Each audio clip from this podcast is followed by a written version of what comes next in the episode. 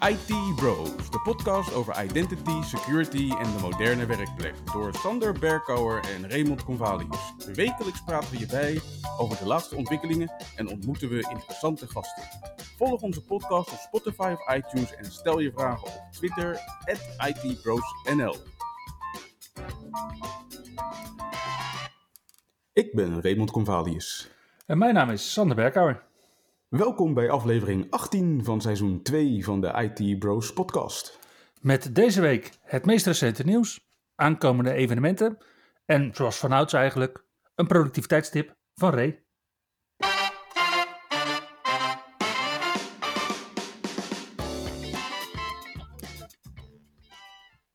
Hey Sander, vorige week waren we uiteraard net weer klaar met de opnames van de podcast. En toen kwam de nieuwe beeld uit van Windows 11. Ja, dat zou je precies zien, hè? Inderdaad, en nu kwamen ze met beeld 22610. Uiteraard zowel in de dev als beta channels, dus je kan nog steeds switchen als je wil. Mhm. En dit was de eerste beeld na 2,5 week radiostilte vanuit Microsoft. Deze beeld kwam met eigenlijk niet eens zo ontzettend heel veel geweldig nieuws, maar er zaten toch wel weer ook weer wat leuke nieuwe dingen in. Zo kwam die met allerlei nieuwe group policy settings en uiteraard de MDM settings. Dus eh, vanaf nu kan je bijvoorbeeld ervoor kiezen om het eh, notification center te disablen met group policies. Hmm. Alle taskbar settings eh, uit te zetten. Het blokkeren van de customization van, de, van pinnen van je, je icons in je startmenu bijvoorbeeld. Mhm. Of je kan eh, zeggen van eh, hide all apps in start. Best wel een aantal hele ja, leuke dingen voor als jij eh, je Windows machine wat verder wil dichtspijkeren. Ja, en als jij zegt van dit zijn dan nieuwe group policy instellingen, dan neem ik aan dat je bedoelt dat ze aanvullend zijn op reeds bestaande MDM instellingen die je kunt zetten voor Windows 11. Ik weet niet of ze al bestonden in MDM, maar in ieder geval ze zijn nu ook in MDM en in group policy beschikbaar. Oké, dus het maakt nu voor organisaties niet meer uit hoe ze apparaten beheren. Voor wat betreft deze instellingen inderdaad. Ja, inderdaad. Nou, verder blijkt Microsoft ook nog hard aan het werken te zijn met Family Safety. Ik heb het ooit vrij intensief gebruikt toen mijn kinderen klein waren. En wat je nu onder andere hebt in Family Safety is dat je dus eh, kan monitoren wat je eigen verbruik is. Dus je kan bijvoorbeeld eh, eh, beperkingen opleggen aan de hoeveelheid schermtijd van je kinderen. En die kunnen dus nu ook zien van eh, hoe ver zit ik in mijn schermtijd. Dus dat zijn best wel leuke aanvullingen, zodat je gewoon je eigen gebruik beter kan monitoren. En voor de luisteraars die nu denken van dat zou ik niet alleen willen gebruiken voor mijn kinderen. Ja, je kan het ook op andere familieleden toepassen. Absoluut. Nou ja, voor- verder heeft eh, Microsoft een, eh, een change die ze hadden eh, gedaan, hebben ze weer teruggedraaid. Ze hadden de ondersteuning voor sterk verouderde wifi-versleuteling hebben ze, hadden ze uitgeschakeld in vorige builds. Mhm. En die hebben ze nu weer aangezet. Dus TKIP en Web zijn weer beschikbaar. Weliswaar met een nette waarschuwing, maar je kan ze wel weer gebruiken. Ja, dan ben je toch, als je nu nog web gebruikt in plaats van WPA voor je wifi-netwerk, ben je toch wel echt bezig als een dodo. Ja, maar ik heb begrepen dat Microsoft feedback heeft gekregen dat het toch wel gewaardeerd werd als ze het weer in zouden schakelen. Dus blijkbaar zijn er nog een paar van die dodo's. Oké. Ja, als je dat je familieleden wil aandoen, dan... eh, Nou ja, en daarnaast bracht eh build 22.610 ook wel de geruchtenmachine weer hard op gang. Want ehm, het beeld watermark is verdwenen uit deze beeld. Ah, nou dat snap ik wel, want ja, dat watermerk dat zegt natuurlijk altijd van dit is eh, nog niet een echte uitgifte en dit is de exacte versie. En ja, als jij een laptop koopt in de winkel, dan ga je echt niet weten welke beeld daar precies op staat. Dat is eigenlijk alleen maar informatie die je nodig hebt om terug te geven aan Microsoft wanneer je feedback geeft. Ja. En dat zou dus betekenen dat deze beeld wel heel dicht op de eh, de echte beeld, die daadwerkelijk eh, dadelijk door alle fabrikanten wordt geïnstalleerd is. Dat denken sommige mensen. Er wordt zelfs gespeculeerd dat het eind van de maand al zover is. Nu heb ik toch wel een beetje mijn twijfels, want deze beeld is ook gekomen met best wel een ontzettend lelijke bug. Blijkt namelijk dat je show hidden icons fly-out, ik weet niet of je dat wel gebruikt, waarschijnlijk wel. Je hebt zeg maar naast je klok eh, rechts onderin heb je altijd van die icoontjes van applicaties die op de achtergrond draaien. Ja, ja. En een deel daarvan is verborgen. Mhm. En dat verborgen deel, dat kan je in de huidige beeld niet tevoorschijn halen. Althans niet in mijn twee installaties. Oh, Oké. Ja, dus het is heel lastig om eh, bijvoorbeeld, eh, even kijken, waar gebruik ik dat? bijvoorbeeld voor? Als ik echt daadwerkelijk in Teams wil quitten. Precies. Of als je je OneDrive status tevoorschijn wil halen. Of je Dropbox status. Ja, dat zijn precies eh, de iconen die standaard worden verborgen. Ja. Precies. Dus dat is nu allemaal weg. En je kan het alleen maar tevoorschijn halen door in je settingsmenu het, eh, het icoontje permanent even onder in beeld eh, vast te zetten. Want die flyout is eh, vertrokken. Dus wanneer ze dat gefixt hebben, dan zijn ze een stukje dichter bij eh, de RTM-versie van 22H2 voor Windows 11. Maar ik denk toch niet dat het zover is. Persoonlijk. Ja, wat ik me wel eens heb laten vertellen is dat in, in die laatste maanden, weken van, zo'n, van dat beeldproces bij Microsoft, Mhm. dat daar inderdaad dan een hele lijst nog is met dingen die ze willen proberen af te strepen voor de release. En dat ze dan proberen zoveel mogelijk inderdaad af te strepen. En dat als het toch niet blijkt, dat dat dan inderdaad in de known issues list wordt gepubliceerd van dit is een known issue in deze versie van Windows. Dat je dan dus in de cumulative updates, die je daarna telkens elke maand krijgt, dat ze daar dan inderdaad proberen om zoveel mogelijk de issues die ze dan nog hebben, wel op te lossen. En natuurlijk vanuit de feedback van de mensen die het daadwerkelijk gebruiken, waar natuurlijk ook altijd issues vanuit komen die misschien nog niet waren opgemerkt, dat die dan ook worden geadresseerd. En zo rollen we weer fijn een jaartje door tot aan de, nou de volgende beeld. Inderdaad. Kijken of ze na deze opname ook meteen komen met een nieuwe beeld voor Windows 11. Nou, we hebben natuurlijk wel voor Windows Server VNext natuurlijk al beeld 25099. Daar hadden we het vorige week over. Dus ik denk dat er misschien ook al wel een Windows 10 en een Windows 11 beeld is voor die release ook. Ik denk over niet al te lange tijd in de dev channel voor Windows 11. Ja, Ondertussen is Microsoft ook weer druk bezig met Edge. Want we hadden van Edge al eh, versie 100. En inmiddels is ook versie 101 uit. ja dus inderdaad, we zagen, vorige week zagen we Chrome versie 101. En nu dus inderdaad Edge versie 101. En wat is daar nieuw in, Ray? Je kan nu ehm, per Edge profiel instellen. Of nee, ik moet het anders zeggen. Je kan nu je default Edge profiel instellen. Oké, Dat is wel prettig, dat als je Edge gewoon start, dat die gewoon altijd met hetzelfde profiel start. Hiervoor koos je er altijd voor om het laatst gebruikte profiel te starten. ja. En je kan nu ook per site instellen welk profiel er eventueel bij hoort. Dus als je bepaalde sites hebt die je altijd vanuit een bepaald profiel start, kan je instellen van nou, als ik deze site open, open Edge dan in dat profiel wat daarbij hoort. Oké. Daarnaast is er een, eh, een extra toolbar bijgekomen, althans een extra tool in de toolbar, om je eh, Progressive Web Apps te kunnen starten vanuit de toolbar en dat je niet meer naar het eh, settingsmenu hoeft om Progressive Web Apps te starten vanuit Edge. Ja, dat is vooral voor jou, denk ik, zo een beetje gemaakt. Omdat jij je, je Outlook web hebt en dat soort dingen. Ja, weet je, als je dit soort dingen toegeeft op de podcast, krijg je natuurlijk ook terug, hè, Ray? Omdat jij natuurlijk je Outlook on the web eh, telkens eh, als PWA pint. Ja. Ja, waar ik trouwens helemaal verknocht aan ben. Dus wat dat betreft, de PWA's zijn echt wel een aanrader. En wat er verder nog is veranderd, en die zou jij wel leuk vinden, Sander, is dat je nu eh, handmatig een certificaat van een website kan wegknikkeren als dat verouderd blijkt te zijn en op de achtergrond is vernieuwd. Oké. Nou ja, los zeg maar van dit nieuws rond Edge eh, blijkt de Edge ook wel gewoon te groeien. Eh, inmiddels eh, is Edge Safari gepasseerd op de ranglijsten. Mhm. Dus ze hebben ook nu een marktaandeel wat is gegroeid naar boven de 10%, wat best wel een, een dingetje is. En daarmee zijn ze dus de tweede browser op deze aardbodem geworden na Chrome. Precies, de voorkeursbrowser voor iedereen om Chrome te downloaden. Ja, inderdaad. Ja, Chrome, Chrome heeft nog steeds een straatlengte voorsprong, want die heeft dus gewoon eh 66% van de markt in handen. En eh, na Edge volgen op niet al te grote afstand Safari en Firefox. Maar goed, Edge is dus nu eh, de best of the rest geworden. Nice. Ja, dat is eh, vaak de strategie van Microsoft, heb ik het idee. Ja, dus het lijkt me dat ze hiervoor even de doelstellingen hebben behaald. En ook bij Google zijn ze nog bezig. En die zijn bezig om een geavanceerde screenshot editor te bouwen voor Chrome. En dat is wel een dingetje wat ik op zich heel fijn zou vinden als Microsoft er ook aandacht aan zou gaan besteden.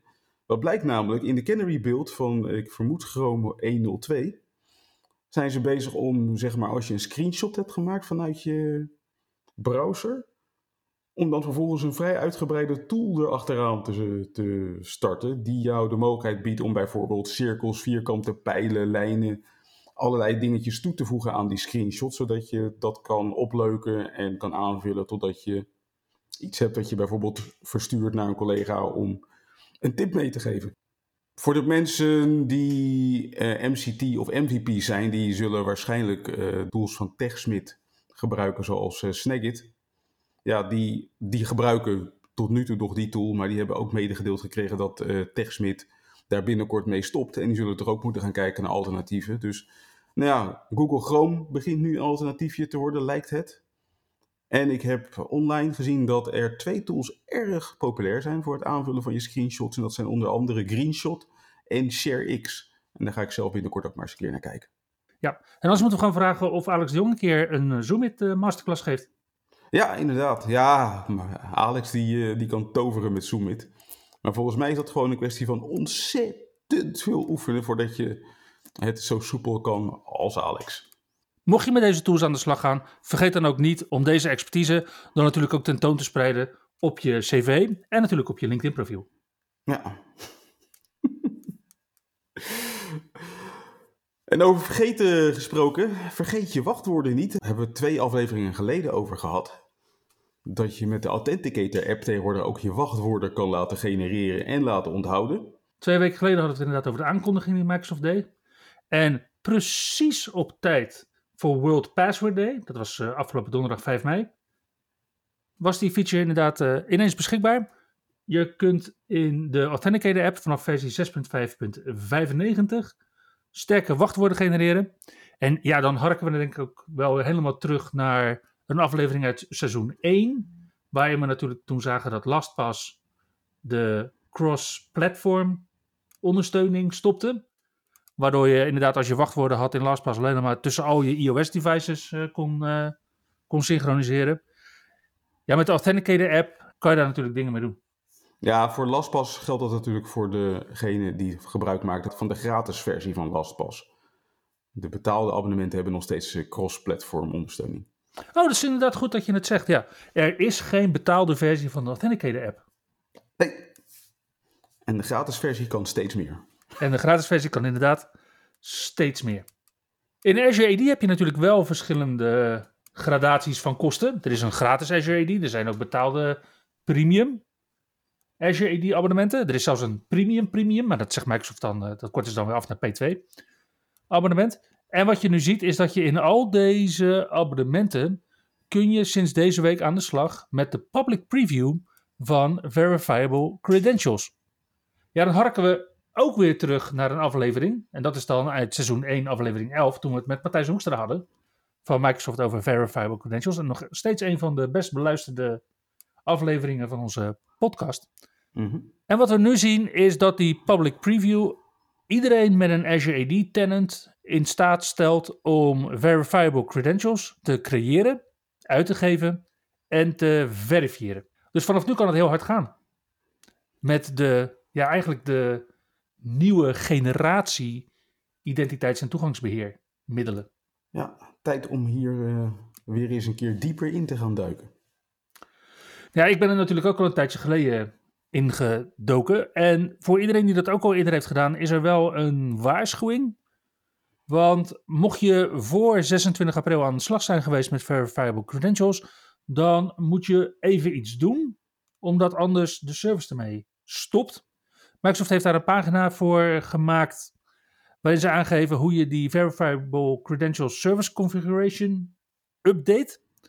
En wat je daarbij doet, is dat je eigenlijk twee nieuwe service principles voor de service uh, aanvinkt. Je Vault toegang uitbreidt voor die twee nieuwe service principles. De toegang tot de opslag uitbreidt. en volgens de API-permissies toevoegt aan een van de twee service principles, zodat zij inderdaad de service kunnen overnemen. Mocht je nu met de public preview pas aan de slag gaan, hoef je dat allemaal niet te doen. Kan je er gewoon gelijk van genieten. Heugelijk nieuws ook deze week voor de fans van uh, Microsoft Defender. Namelijk, Defender for Business is generally available. Dat wil zeggen dat je dus nu zo ongeveer ja, bijna alle Defender for Endpoint functionaliteit beschikbaar krijgt voor het MKB. Aangezien 90% van de bedrijven tegenwoordig tot het MKB behoort, is dit best wel heel groot nieuws. Ja, en wat je dus ziet is dat Defender for Business een subset is van Defender for Endpoint plan 2. En dat vind ik een, een hele goede benadering van Microsoft. Want er zitten namelijk heel veel mooie spullen in Defender for Endpoint Plan 2, waar het MKB ook heel blij van kan worden. Mhm. Zo zie je dat uh, Automated Investigation and Response gewoon in Defender for Business zit. Block at First Sight, ADR, ASR, functionaliteit, maar ook Threat and Vulnerability Management en Web Content Filtering. Dus ook binnen het MKB kunnen we nu met Defender for Business die websites blokkeren die we niet meer willen zien. Ja. Nou is het Brits parlement net iets groter dan MKB, maar voor hun zou zo'n oplossing denk ik ook wel heel erg goed zijn. Dat denk ik ook. Ja, het is helaas voor MKB niet gratis. En Microsoft uh, suggereert nu een pricing van 3 dollar per gebruiker per maand. En het is nog even afwachten hoe dat zich vertaalt naar euro's. Ja, maar niet getreurd voor de mensen die al beschikken over een abonnement met Microsoft 365 Business Premium. Daar komt dit gewoon in te zitten. Ja, en mocht je nou afvragen van wat is dat voor licentie, dat uh, Business Premium, want ik ken alleen maar dingen als E3 en E5 of A3 en A5. Die Microsoft 365 Business Premium, die is vergelijkbaar met Microsoft 365 E3. Dus daar zit Office 365 in, daar zit eigenlijk uh, Intune en EMS. En er zit ook het stukje Windows E3 in. En dat is de, de top van de licentie die je als MKB kunt aanschaffen. Er is ook Business Basic, dat is eigenlijk vergelijkbaar met Office 365 E1. Dus dat zijn wel de diensten, niet de applicaties. Mhm. En er is ook zoiets als Microsoft Business Standard. En die is vergelijkbaar met Office 365 E3. Dus dan heb je wel de Office diensten en Office applicatie, maar niet al het mooie van nou, Azure AD Premium en Intune en dat soort dingen. Die Microsoft 365 Business abonnementen, die zijn gelimiteerd tot 300 medewerkers. En dat is ook precies de definitie die Microsoft hanteert voor het MKB. Dus net iets anders dan de Nederlandse definitie van MKB. Want in Nederland rekenen we je tot MKB tot 250 medewerkers. Ja. Ja, en ik zie dat Microsoft op deze manier de licenties voor het MKB wel heel aantrekkelijk maakt. En wat ik zie is dat er ook voor veel kleine bedrijven toch vaak de, als een soort Pavlov-reactie door systems integrators in Nederland toch gewoon die E3-licentie wordt aangesmeerd. Terwijl als je gaat kijken tussen dus bijvoorbeeld Microsoft 365 Business Premium en Microsoft 365 E3, daar zat vroeger altijd een, uh, een kostenverschil in van zo'n 50 cent per gebruiker per maand. Dat tikt toch ook aan, ook onder de 300 medewerkers. Mhm.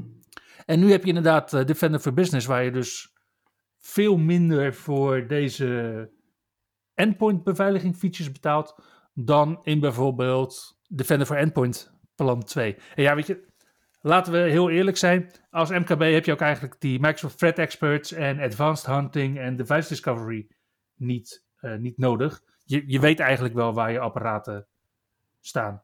Dus ik, ik denk dat het een hele goede zet is van Microsoft. Ik word er in ieder geval heel blij van dat dit nu gewoon tot de gereedschapskist behoort van het MKB. Nou, dan was het de afgelopen week ook wel weer tijd voor uh, een belangrijke kwetsbaarheid die bekend werd gemaakt. Als je in je netwerk beschikt over switches van Aruba of Avaya, dan is het tijd om te updaten. In maart is er een, uh, een rapport gekomen van het bedrijf heet Armis over TLS Storm of TL Storm. We hebben het toen nog gehad over de UPS'en die werden geraakt. Van... Die, APC. Ja, de APC UPS'en die in uh, rook konden opgaan. Precies, en dat was dus uh, TL Storm. Okay. En nu blijkt er TL Storm 2.0 te zijn, die ook gaat over kwetsbaarheden in uh, nano-SSL. En daar hebben ze dus vijf kwetsbaarheden in ontdekt die betrekking hebben op de switches van Aruba en Avaya. En deze kwetsbaarheden die zorgen er onder andere voor dat je de portal kan omzeilen als je bij die apparaten kan komen. En dat je vervolgens remote code kan uh, executen. Oké. Klinkt uh, wat mij betreft redelijk cruciaal. Dus als je iets doet met deze apparaten, get your act together. Yep, patchen. Yep. Ja, dan zien we ook dat de huidige geopolitieke situatie invloed heeft op datgene wat Microsoft doet. Dit geval niet over iets wat Microsoft al dan niet wel meer doet, wel of niet meer doet in Rusland. Maar Microsoft moest curatoren van de Amsterdam Trade Bank toegang geven tot de gegevens. Nou, die Amsterdam Trade Bank, dat was een onderdeel van de Alpha Bank. Dat is een uh, Russische bank. En die hadden een aandeel tussen de 25 en 50 procent in de Amsterdam Trade Bank. En die bank is failliet. Ja, en volgens mij is die bank onder andere failliet gegaan doordat Microsoft de stekker eruit trok. Oké. Okay. Want wat gebeurde er? Kijk, deze bank maakte gebruik van uh, de Microsoft-diensten, daar we het net ja. over hebben gehad, Microsoft 365, et cetera. En toen uh, de sancties ingingen vanuit, uh, tenminste na het starten van die oorlog, mm -hmm. heeft Microsoft besloten dat ze niet langer diensten konden leveren aan deze bank. Nou, wat gebeurt er vandaag de dag met een bank als jij diensten als Teams, SharePoint en mail niet meer beschikbaar stelt? Dan heb je een uitdaging. Dan is het heel snel afgelopen. Nou ja, zo dus ook met de Amsterdam Trade Bank. Die ging failliet. Vervolgens kwamen de curatoren binnenwandelen en die zeiden van nou wij willen graag inzicht hebben in wat zich hier heeft afgespeeld. Mm -hmm. En toen zei Microsoft ja uh, sorry maar wij kunnen jullie geen diensten leveren want dat mogen wij niet volgens de sancties. Nou, hierover zijn de curatoren in discussie gegaan met Microsoft. Heeft blijkbaar niet geholpen, dus die zijn naar de rechtbank gestapt. En de rechtbank heeft nu geoordeeld dat uh, Microsoft 10 miljoen euro boete per dag moet gaan betalen. Dat uh, Amsterdam Trade Bank geen toegang krijgt tot haar uh, spullenboel in de cloud. En dit tot een maximum van 100 miljoen.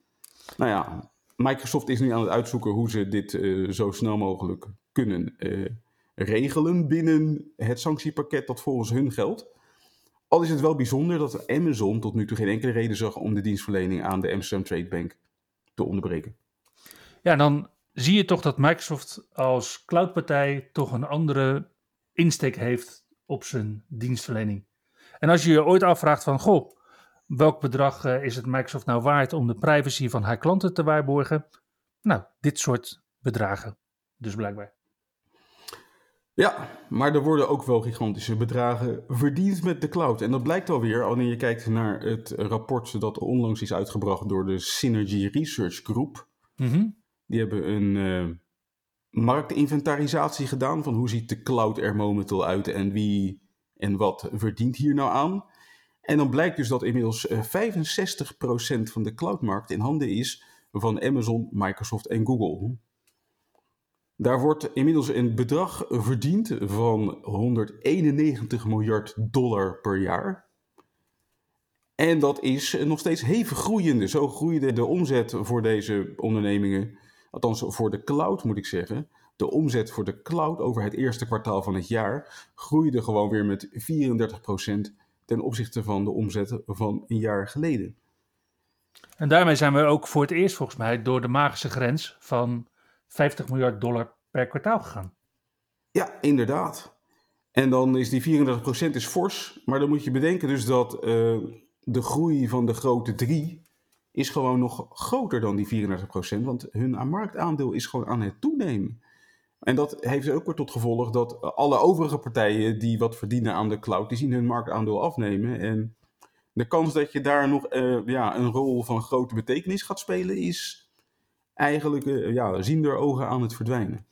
Ja, de hyperscalers zijn het aan het winnen. Ja, en er horen wel een paar mooie grafiekjes bij. Dus uh, ik raad je aan, kijk eens een keer naar uh, dat rapportje van de Synergy Research Group. Ja, en de grote drie die hebben het gewoon lastig als het gaat om, uh, om hun, hun marktkracht. Want ja, dit valt natuurlijk op. En het valt met name op bij de Europese Commissie de laatste tijd. die dus bezig is om onder andere Apple aan te pakken. En Apple ligt uh, deze week uh, sterk onder vuur vanwege de manier waarop ze omgaan met de NFC-chip in de iPhones. Die is voorbehouden aan het betaalsysteem van Apple, Apple Pay. Mm Waardoor andere partijen er dus eigenlijk niks mee kunnen zonder dat ze daarvoor bij, bij Apple aankloppen. En dat is weer in strijd met artikel 102 van het verdrag over de werking van de Europese Unie. Dat dus machtsmisbruik verbiedt. En daarom is uh, de Europese Commissie nu een onderzoek gestart, wat onder andere schijnt te zijn geïnitieerd na een klacht van PayPal.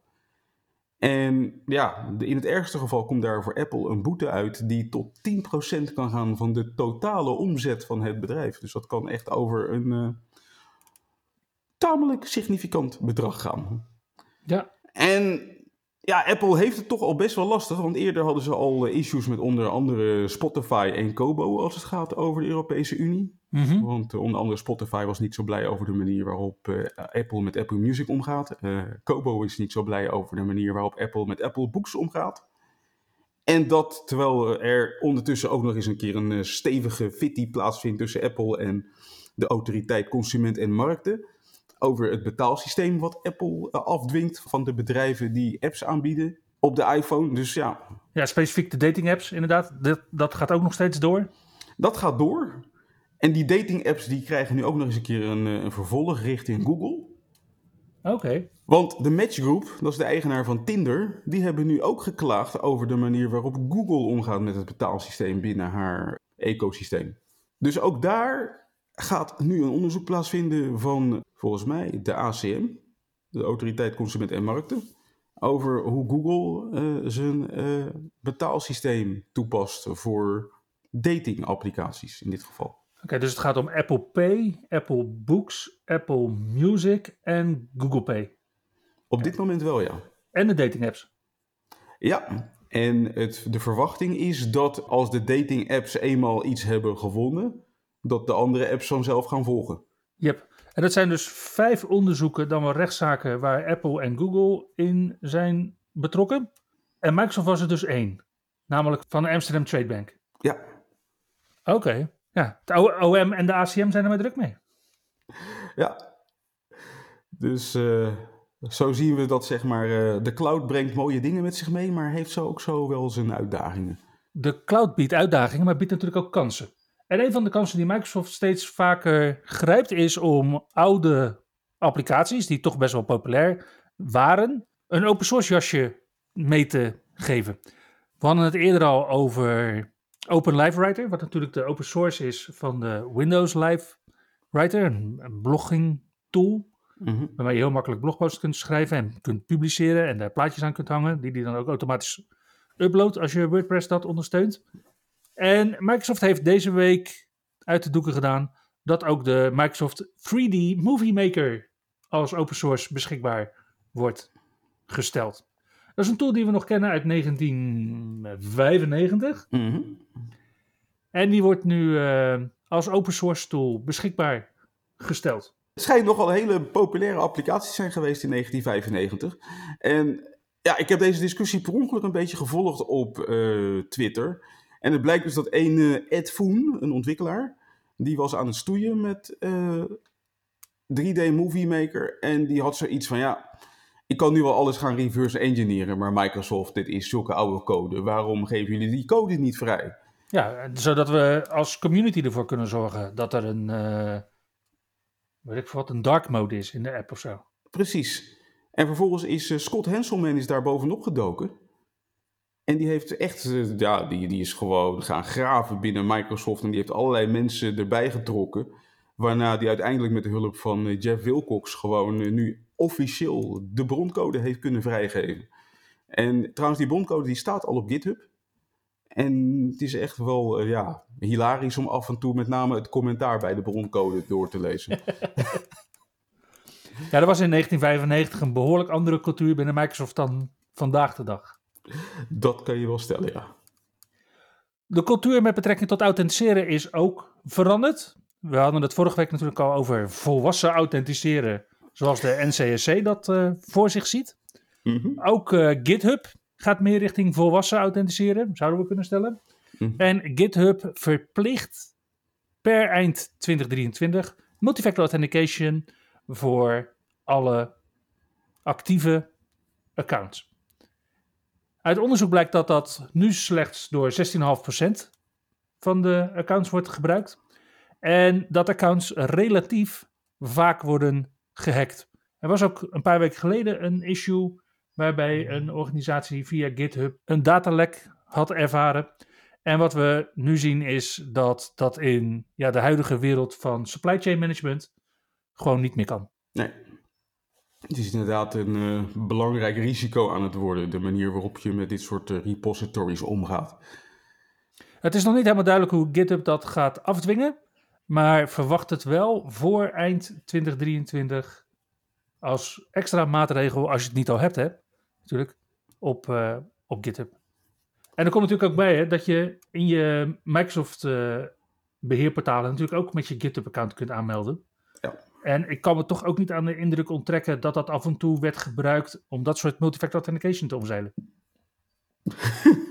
dat is inderdaad geen fraaie manier om eh, aan je multifactor authentication te ontkomen. Ja, wat, wat mij opvalt aan GitHub is dat het is onderdeel van Microsoft alweer enige tijd. Mhm.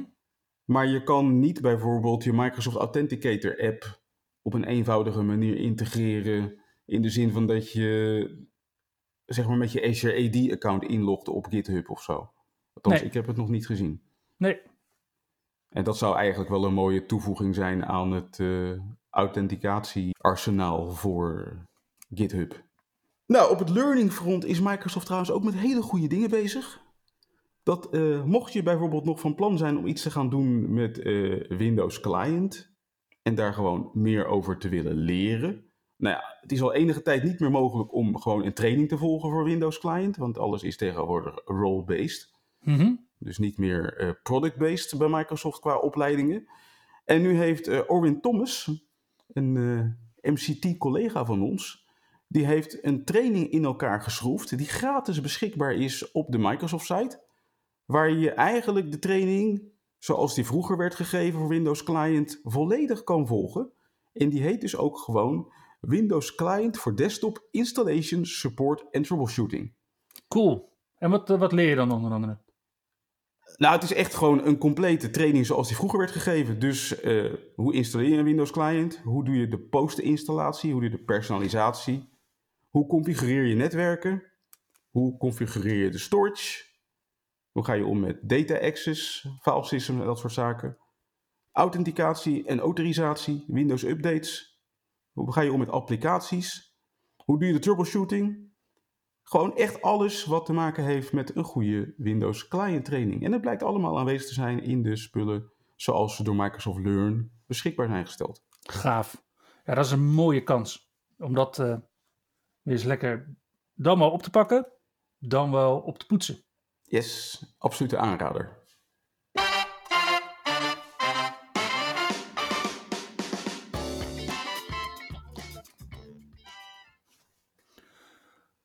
Volgende week zien we drie evenementen, waarvan twee virtuele evenementen en één fysiek evenement in Leuven.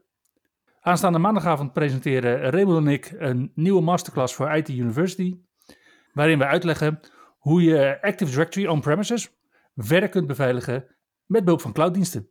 Nou, dat klinkt natuurlijk heel tegendraads, en dat is het misschien ook wel. Maar het is wel helemaal in lijn met waar Microsoft eh, mee bezig is de laatste tijd. Waardoor ja, eigenlijk elke beheerder die zijn domeinconsole nog echt probeert te airgappen, toch wel echt de boot mist, denk ik. Ja. Dus aankomende maandag tussen 8 en 10 uur 's avonds bij IT University. Op dinsdag 10 mei tussen 12 en 1 is het vervolgens tijd voor de Dutch Cloud Meetup. Deze week is het tijd voor de Cloud Takeaway. En in deze Cloud Takeaway van mei is het tijd om aandacht te besteden aan Azure Private Link en Azure Private Endpoint. Ja, en de Dutch Cloud Meetup heeft daarvoor twee toch wel heel goede presentatoren gestrikt, namelijk Wim Matthijssen en Misha Wets. En die leggen je alles uit over eh, hoe dat werkt. Dat is een virtuele meetup, gewoon over de lunch. En dat zijn wel echt goede sessies altijd. Oké, ga ik zeker even naar kijken. De Belgische Azure User Group AZUG doet eveneens op 10 mei een duit in het zakje. Dat is een fysiek evenement bij Dataroots in Leuven van 5 tot 8. Gewoon s'avonds, hè? Niet s ochtends. En het is een evenement over Kubernetes en data platforms on Azure. Dus waar ze het vooral over gaan hebben zijn Azure Container Services met gitten vermijden en Building and Deploying Azure Self-Service Data Platforms for Healthcare door Sam de Bruin en Wout Olieslagers.